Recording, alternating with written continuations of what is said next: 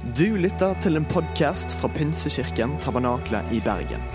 Vi tror at kirken skal være en plass hvor mennesker trives gjennom alle livets faser. En kirke for hele livet. Ønsker du å bli bedre kjent med oss eller holde deg oppdatert? Besøk vår Facebook-side eller ptb.no. Her er ukens tale. Er fint og rart å sende noen av gårde, men det, vi vet at denne kirka her er eh, ikke bygd bare på noen enkeltmennesker, men på alle oss som er kirka. Og det er det som er så fint, er at når noen går ut, så kommer noen inn, og så vet vi at Gud har en plan med sin kirke. Det er han som bygger sin kirke, og så får vi lov til å være med på det. Er ikke det litt deilig? Det er litt sånn godt at det er hans, det er hans idé, eh, og da kan vi få lov til å være med på det. Har dere det bra? Jeg får litt lyst til å si god høst. Jeg kom på kontoret, og så møtte jeg en, og så sa jeg sånn Ja, da er vi i gang igjen. Høsten er i gang, og har du begynt på skolen? Og for følelsen er at vi hadde sommer. Eh, ingen hadde ferie, da, vel å merke. Men så eh, begynte høsten igjen, og så var vi i gang. Eh, og jeg var egentlig litt klar for det, men så glemte jeg litt at jeg har litt andre ting som jeg skal bli ferdig med først. Så jeg skal en U-festival og litt andre ting. Og tenkte faktisk jeg skulle ta en ferie også, så det blir veldig fint. Jeg gleder meg til det. Eh, jeg satt og eh, ba litt over hva jeg skulle preke over. Vi er en serie som snakker om Bibelen. Og så sitter jeg og så tenker jeg, og så plutselig får jeg en sånn rar idé.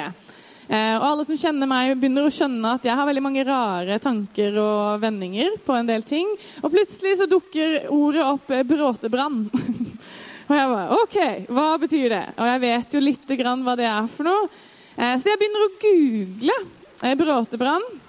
Eh, og eh, det fant jeg veldig veldig lite, egentlig. Fordi brannvesenet tror jeg har eh, egentlig bare liksom, tatt vekk alt. Eh, er det sånn, Kjell? Eh, at de har bare gått inn på nettet og så har de bare kutta alt som har med bråtebrann å gjøre, fordi at det har vært så tørt. Jeg vet ikke. Så jeg tenkte jeg må sende et par meldinger til et par bønder. Så jeg sender da melding, for jeg finner jo ingenting. Sender en melding til eh, pappa. Han er litt sånn bonde. Han bruker å vite det meste. Og hvis han ikke vet det, så bare finner han på noe, eller sannsynlighetsberegner. Eh, og det er veldig flott. Så jeg sender en melding til pappa. 'Vet du noe om bråtebrann?' Og han svarer dette. 'Det er totalforbud mot brenning nå. Hvilke planer har du nå, vennen?' og jeg bare um, Du kjenner kanskje ikke meg. Så jeg sender, en, sender også en melding til den andre bonden jeg vet som eh, kjenner godt. Og det er Johanna fra Varhaug, hun som er i barnearbeidet her. Og så sier hun 'bråtebrann', så hun svarer faktisk. Bråtebrann eh, ble mest gjort i gamle dager. Husker jeg på dialekt, så jeg får prøve, jeg òg. Nei, det klarer jeg ikke. Eh, ble gjort, og ble gjort på våren. Da starta man kontrollerte gressbranner i avgrensa områder. Og dette ble gjort for å legge til rette for det nye gresset, som hun skriver da. som vokste opp, fikk ekstra gode vekstforhold og ble ekstra næringsrikt. Det ble også ryddigere og grønnere. Hadde vel noe med at asken ble til gjødsel, sier hun. Eh, og morsomt er at Jeg sender en melding med samme melding som jeg fikk av pappa til henne. Og hun sier pappaen din kjenner deg nok ikke så godt, han. Eh, fordi hun er vant til at jeg sender henne meldinger om sauer og bråtebrann og vårånd og alt mulig ting. Så pappa, hvis du hører på denne podkasten, så burde du begynne å høre på podkastene mine. Jeg tror han aldri har gjort det heller, så det, det bare trygt å si det.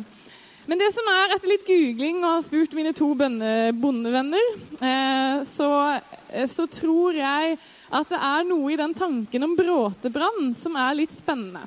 For man får vekk noe som hindrer veksten.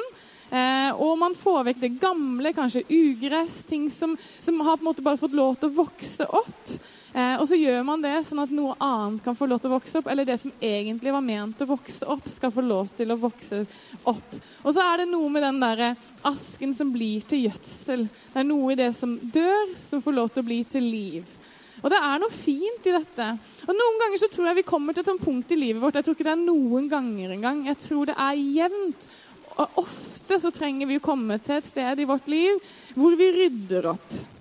Vi rydder opp i boden, Rydder opp i hagen, rydder opp i skapet, tar ut noe, putter ulla vekk.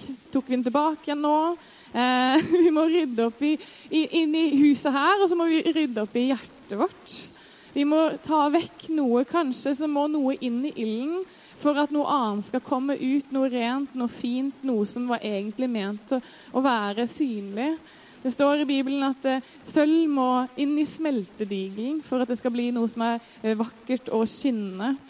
Og jeg tror kanskje det er noe i den der bråtebrannen eh, Kjell, du kan bare slappe av, jeg skal ikke tenne på noen ting. Men jeg tror det er noe i denne bråtebrannen som bare Og den derre å la noe få lov til å gå vekk for at noe annet skal komme fram. Men jeg tror vi har noe å lære. Og jeg tror kanskje vi trenger å rydde opp litt i dag. Så er dere med meg på en liten sånn sommer-vårrengjøring i hjertet vårt? Er du med meg? Ok, jeg ber. Herre, takk for at du er den som kommer og, og viser oss ting. Takk for at du aldri viser oss mer enn det vi kan klare av gangen. Så når du kommer nå og gjør en liten vårrengjøring, en sommerrengjøring i våre hjerter, Herre, så bare ber jeg om at du skal virkelig vise oss det vi trenger å ta nå. Takk for at du er ikke den som bare kaster alle ting på oss, men du viser oss og tar oss med handa og viser oss steg for steg hva vi trenger å legge vekk, hva vi trenger å sette tilbake igjen der det skal være, hva vi trenger å blåse støv av, hva vi trenger å, å virkelig løfte frem, Herre. Jeg ber om at du skal åpne hjertene våre, så vi får høre hva du sier. Takk for at du bruker meg nå til å si noen ord som jeg tror du har lyst til å minne oss på. Og Jeg ber om at vi skal være klare for, denne, for at dette skal virkelig bli en gudstjeneste noen minutter hvor vi får lov til å sette fokuset og sette deg først, Herre. Du er konge. Du er i sentrum. Du er mer enn nok. Og vi har så tro og forventning til de neste minuttene her, Jesus. Amen. Jeg tenkte at i forbindelse med denne serien så skulle jeg soape meg gjennom talen. Er du med? Så tenkte jeg da skal jeg lære dere å soape, sånn som jeg gjør det. Eh, så jeg da, For dere som ikke har vært inni det med soap, så tenkte dere at det er, sikkert, er det noe bibelsk? Er det et ord som ikke er funnet på gresk? Nei, det er egentlig bare en enkel måte å hjelpe oss igjennom å lese Bibelen. Soap, det er skriftsted. O, observasjon. A, anvendelse. Og P, personlig bønn, for det er prayer på engelsk. da. Så vi har bare oversatt det litt. Grann. Så der, Jeg leser teksten, og så lar jeg teksten snakke til meg. Hva ser jeg i teksten? Hva ser jeg i helheten? Hvordan bruker jeg det i mitt liv? Eh, og så ber jeg gjerne gjennom det. Og det er Mange skriver, og det kan jeg anbefale som en, en, eh, å skrive bønner. Og så skrive ned svar. For det er fantastisk å gå tilbake noen ganger og se på hva Gud svarer på, og hvordan vi glemmer ting så ofte. Når Gud svarer på bønner, så glemmer vi det. Så det å skrive det ned Og noen ganger så tør vi kanskje skrive litt mer ufiltrert det som vi hører fra Gud. Og så ser man kanskje Oi, dette var smarte tanker. Så smart er ikke jeg. Det må være Gud. Ok? Så jeg begynner med, jeg skal faktisk lese teksten, og jeg skal ikke lese hele teksten, men andre kongebok 22-23. Og Jeg har ikke tenkt å lese meg gjennom de to kapitlene, for da hadde vi blitt her en stund. Men jeg har tenkt til å gjenfortelle historiene, så vil jeg anbefale deg å gå hjem og lese den teksten selv, og kanskje la den få lov til å snakke til deg. Eh, og da vil du kanskje se noen ting som ikke jeg har sett, men jeg har lyst til å fortelle deg noen ting fra den teksten her. Det er to kapitler, og historien kort fortalt er sånn som dette. Yoshia han er da blitt konge når han er åtte år. Det er tidlig. Jeg vet ikke hvordan det fungerte. Han rakk sikkert ikke opp til kongestolen. Satt der, Se for deg krona, ganske stor. Eh, og skjønner sikkert ikke helt hva som skjer. Årene går, og så får han faktisk lov til eh, Og det står at han, det, han gjorde det som var godt i Herrens øyne, står det. At han var en god konge. Og det var ikke alle det sto om, at han var en som gjorde godt i Herrens øyne, faktisk. Det står flere ganger. Han gjorde ondt i Herrens øyne, han gjorde ondt i Herrens øyne. Hvis du går gjennom kongebøkene, så er det ganske sånn annenhver, eller så er det ganske mye ondt. Og så kommer det en god innimellom. Eh, og det er utrolig interessant å følge med på. Han er da konge i 31 år, men etter han eh, når han var ca. 26 år, tror jeg, så var det sånn at han skulle da betale og lønne en gjeng mennesker som jobba med å bygge opp tempelet igjen. De hadde vært eh, tømrere, de hadde fiksa ting, de hadde eh, lagd fine ting til tempelet. Og Han sier til øverstepresten sin, eh, Hilkia, kan du stikke og betale de som har jobba på tempelet, det de fortjener. Så han går inn og skal telle opp pengene, og så skal han belønne folka som hadde jobba med tempelet. Og så skjer det at Hilkia finner bokrullen, som er da eh, loven. Og så leser han den opp. Han finner denne bokrullen, blåser av støvet kanskje. Jeg ser det for meg. En lang, stor rull. Og så ruller han den ut, og så ser han dette er loven. Og Så tar han den med seg til Joshia. Og Så leser han den opp, og da står det i vers 11 i kapittel 22 Da Joshia hørte det som sto i bokrullen, flerret han sine, som er et tegn på at, at han sørga over tilstanden til folket, og et tegn på en omvendelse. Er egentlig det å flerre klærne. Jeg syns det er litt rart, så jeg måtte finne ut hva det betydde for noe. Så ga han denne befalingen til presten Hilkia og til Ahikam, sønnen av Shafan, Akbor, sønn av Mika, riksskriveren Shafan og kongsmann Asha. Og så leser vi Gå og søk råd hos Herren for meg og for folket og for hele Juda om innholdet i denne bokrullen som er funnet. For stor er Herrens harme, som har flammet opp mot oss fordi våre fedre ikke hørte på det som står i denne bokrullen, og ikke gjorde alt det som ble foreskrevet oss. Han sier, gå og søk Herren om råd. Vi må finne ut hva dette betyr. Hva betyr dette for oss? Så han sender de til profetkvinnen Hulda for å søke råd. Og hun svarer dere har snudd dere vekk, dere må snu dere tilbake. Dere har fått avguder, dere har misbrukt tempelet. Og så leser vi i, eh, videre i teksten at det står på kongens oppfordring samlet de eldste, de, alle de eldste i Juda og Jerusalem hos ham. Så de samler da lederne etter de har vært hos Hulda. Som har på en måte sagt nå må dere, dere må samle folka. Dere må lese teksten. Dere må snu dere, dere må omvende dere. Og så gjør da Joshia det at han samler lederne sine og så gikk han opp til Herrens tempel etter de hadde har lest teksten.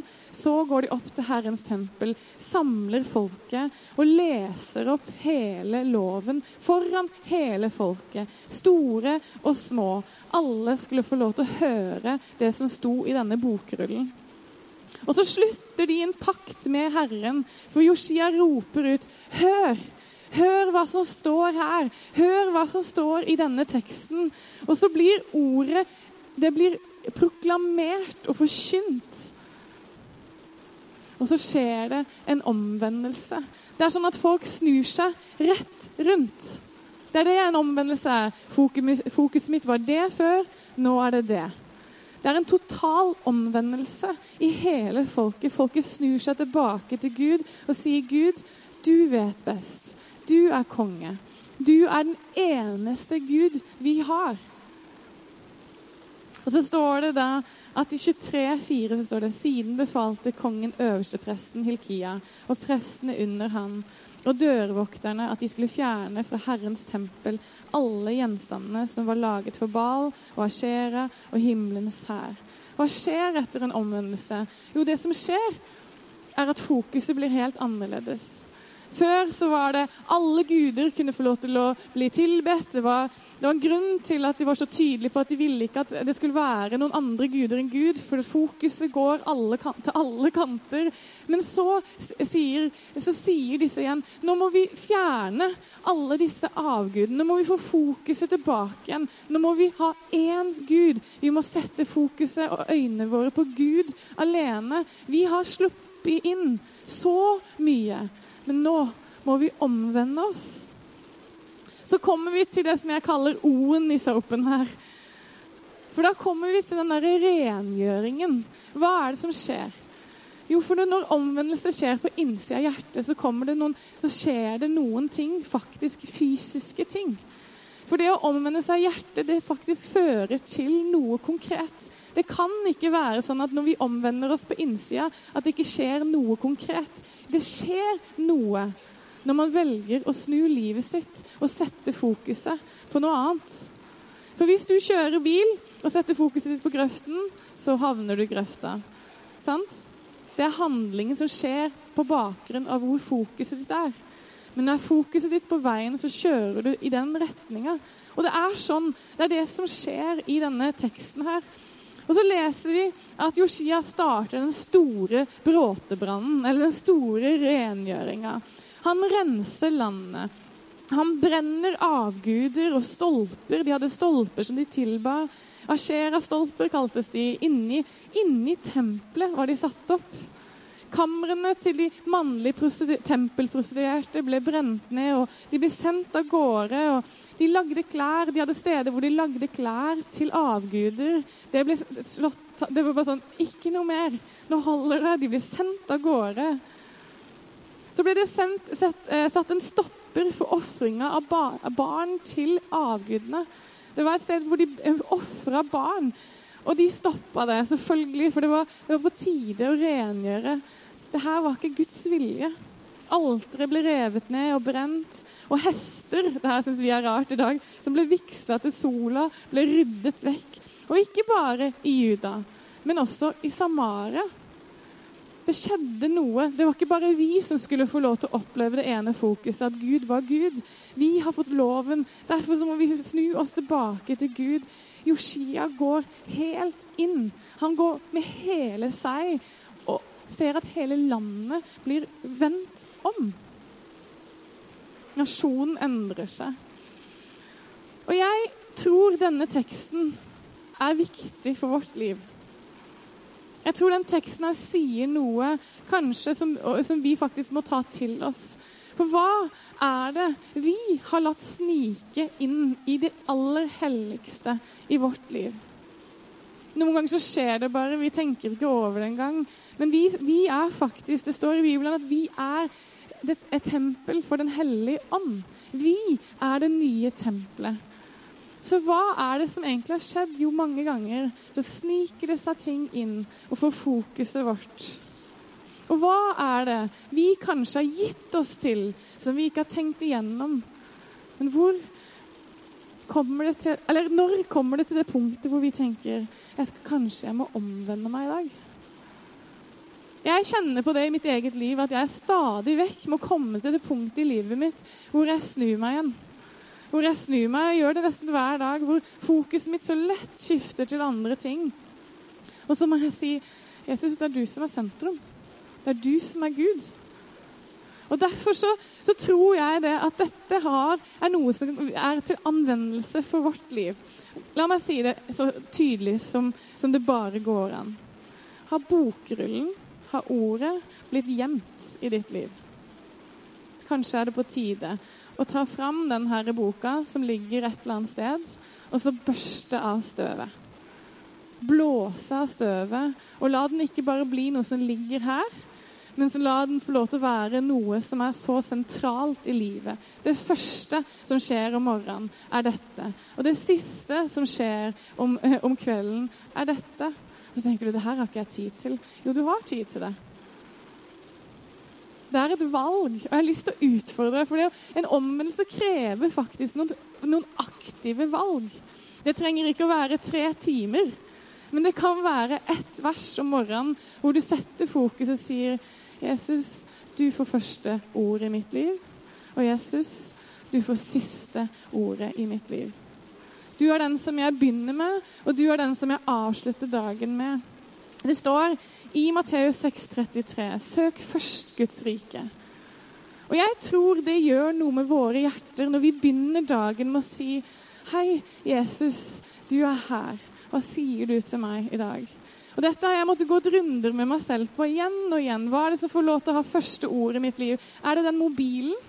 Er det de menneskene som er på besøk hos meg? For jeg merker at med en gang jeg går inn i sommermodus, og mine rutiner ikke er som de bruker å være, når jeg får besøk, så, så, ødelegges rutinene mine litt. Jeg liker å sitte med Bibelen om morgenen og kan ha mulighet til det.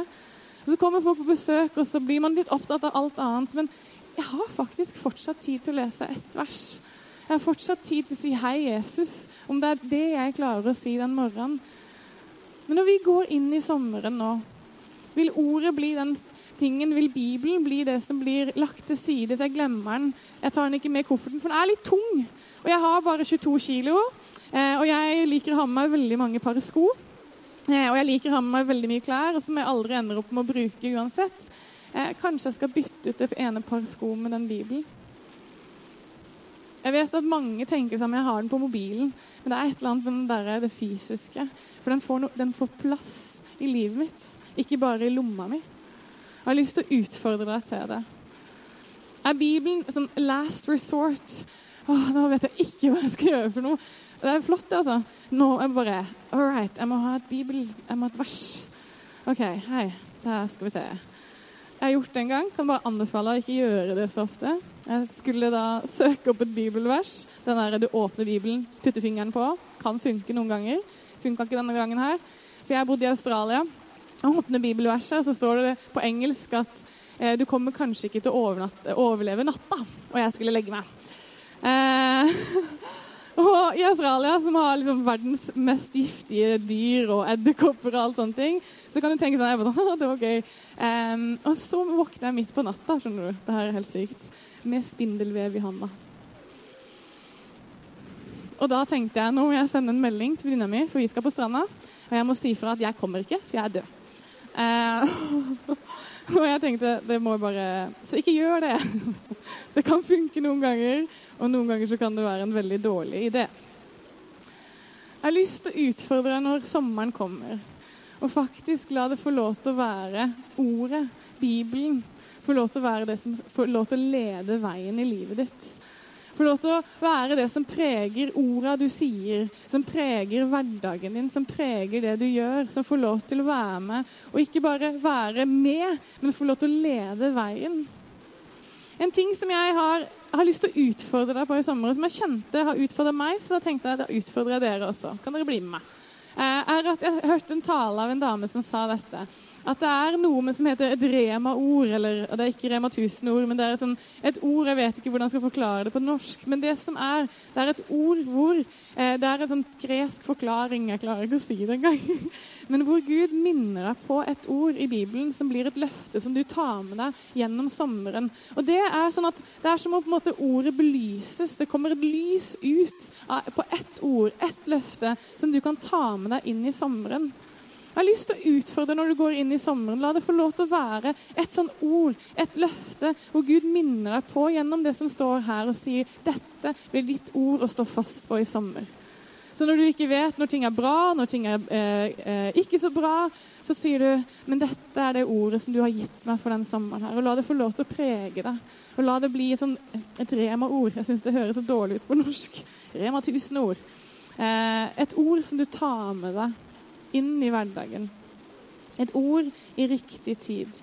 For det står det at vi kan få lov til å løfte sverdet, ordet. Når vi har det bra, og når vi har det dårlig, så kan vi få lov til å løfte sverdet og si det står skrevet. OK? Det som er så godt med å fylle seg med Bibelen, er at du da har du har en overflod av ord som bare ligger der. Og jeg legger merke til at det mer jeg leser Bibelen, det mer får det lov til å bli en del av hverdagen min. Ord til, i riktig tid. For det er noe med det som står her, som har så mye mer kraft enn det jeg finner på når jeg sier en oppmuntring selv. For det er noe man kan komme tilbake til igjen og igjen. Vi vet at dette er solid, vi vet at dette holder. Jeg har lyst til å utfordre deg til å spørre Gud hva er det du har lyst til å si til meg. Hva er det som er den tingen som du har lyst til at skal prege livet mitt? Og kanskje så er det faktisk det her ordet. Søk først Guds rike. Og så skal alt det andre. ikke sant? Det er noe med rekkefølgen her. Det andre tingen som jeg tenker på i forhold til dette, er, og det sa jeg litt der, Kanskje er det en tid for en omvendelse. Og jeg lurer på om Vi snakker litt lite om omvendelse i våre kirker noen ganger. Vi, vi har frelsesinnbydelse hver eneste uke, og vi kommer alltid til å gjøre det. For det er noe med at vi ønsker at folk skal få muligheten til å, å få lov til å si ja til Jesus. Men som en som følger etter Jesus hver eneste dag, forhåpentligvis, så, så trenger jeg daglig å omvende meg og snu meg tilbake til det som er egentlig mitt evige fokus Jesus. Hva er det som har fått snike seg inn i det aller helligste? Inn i hjertet mitt, i tankene mine, i sinnet mitt. Det står 'ta hver eneste tanke til fange'. Det er kanskje ikke sånn at du kan eh, styre alt som kommer inn, men du kan faktisk si 'dette kommer inn', men det står skrevet. Og du kan få lov til å bestemme deg for å la det som skal være det viktigste, være det som får prege livet ditt. Det er ikke alltid man føler det, men kanskje er det på tide å sortere prioriteringene dine litt. Og Jeg har lagt merke til det i mitt liv, og det kan hende det, på en selv kjenner man andre, kanskje. Og jeg har lagt merke til det at er det noe som skjer, så er det at de fine tinga sniker seg opp til førsteplassen i livet mitt. Det er ikke nødvendigvis at jeg har liksom, jeg klarer ikke å finne på en dårlig ting, men at jeg har begynt med et eller annet skikkelig dårlig. Det er ikke det som kanskje har blitt den store avguden i mitt liv. For det, jeg tror ikke jeg har det som Kanskje jeg har det i meg, det vet jeg ikke. Det må vi se. Fremtiden får vise. Men jeg tror det er de tingene som ser så fine ut. Vennskap. Tjenesten min. Det kan plutselig få bli en avgud framfor at Gud er mitt fokus. Og så kommer det andre i tillegg. Familien min. Setter jeg Gud først? Eller setter jeg familien min først? Det er ganske radikalt. Men hva er det du setter først? Søk først Guds rike. Og så Det er noe med den prioriteringa. Hvilken ting er det du trenger å sortere? Hvilke ting trenger du faktisk å brenne ned, så det som skulle være der, får lov til å komme opp? Hvilken ting i hjertet ditt er det bitterhet? Ting som får lov til å slå rot, som ikke skulle være der? Er det en tid for å rense tempelet ditt? Det aller helligste. Og la det få lov til å begynne, begynne nå, på begynnelsen av sommeren. Få lov til å begynne der med å rense tempelet, sånn at du kan få bruke denne sommeren på å gå med Han. Snakke med Han. Gå til sides med Han. Og få bruke tid med Han som kjenner deg, som vet hva du trenger, og som har ditt, altså det beste for deg. Så når du setter Gud på førsteplassen, så er det ikke sånn at du taper i livet. Du vinner ved å sette han først. Han har noe enda bedre for deg enn det som du tror er beste løsning. Hvilke venner får lov til å prege deg? Hvilke ord får lov til å prege deg? Hva kommer først? Mange ganger så skal liksom bare alt skal vekk, og jeg tror noen ganger så må man gjøre det for å rense helt. Samtidig så tror jeg det handler mer om en sortering. Og hva skal være først, og hva skal være, komme etterpå. Og jeg tror noen ganger vi bare må nødt til å sette oss ned og skrive en prioriteringsliste. Hvem er det som har første og siste ord i mitt liv, og hvem er det som har et ord i livet mitt? Og hvem er det som ikke skal ha et ord i livet mitt? Skrive ned en prioriteringsliste.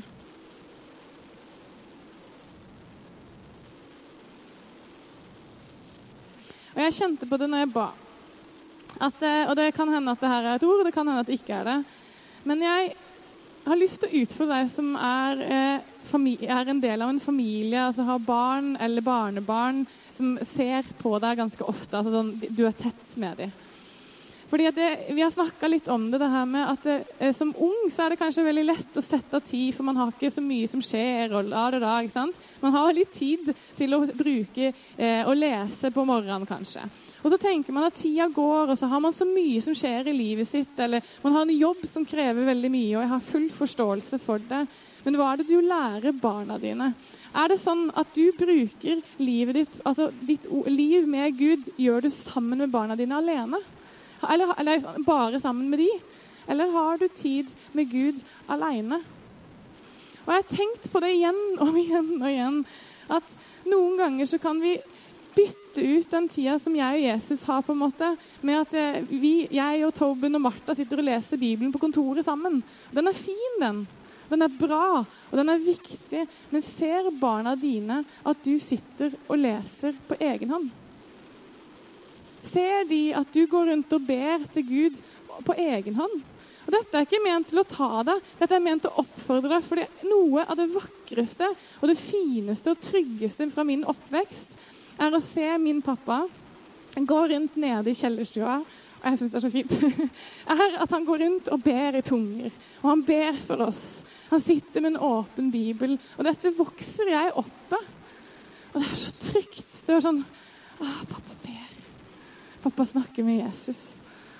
Det er noe av det fineste fra min barndom. Og jeg har lyst til å utfordre deg. Vær så snill. La barna dine, barnebarna dine se at du setter Jesus først. Og kanskje tør å til og med si til dem nå skal, nå skal, jeg bare sitte og lese litt, og så kommer jeg med dem. Du kan sitte her hvis du vil, men jeg skal bare være litt med Jesus. Og Jeg har lyst til å utfordre deg til det, for jeg tror det vil sette en standard i livet deres at Jesus først. Og Mange tenker at det skal jo ikke være sånn. Jo, for når Jesus kommer først, så tror jeg alle de andre tingene faller på plass sånn som de skal. Jeg har så tro på det. Kanskje så trenger vi alle å rydde litt opp i livet vårt.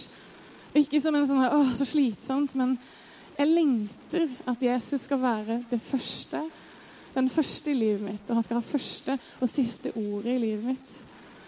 Og jeg tror at når vi får lov til å leve et sånt liv, så tror jeg alt det andre Og jeg har sagt det så mange ganger, men jeg håper at det er det du sitter igjen med. Når du setter han først, så faller alt annet på plass sånn som det skal. Kanskje ikke den timinga vi vil ha, for vi er utålmodige og vi har planer på egen hånd men på den måten som han tenker er best. Jeg har så tro på det.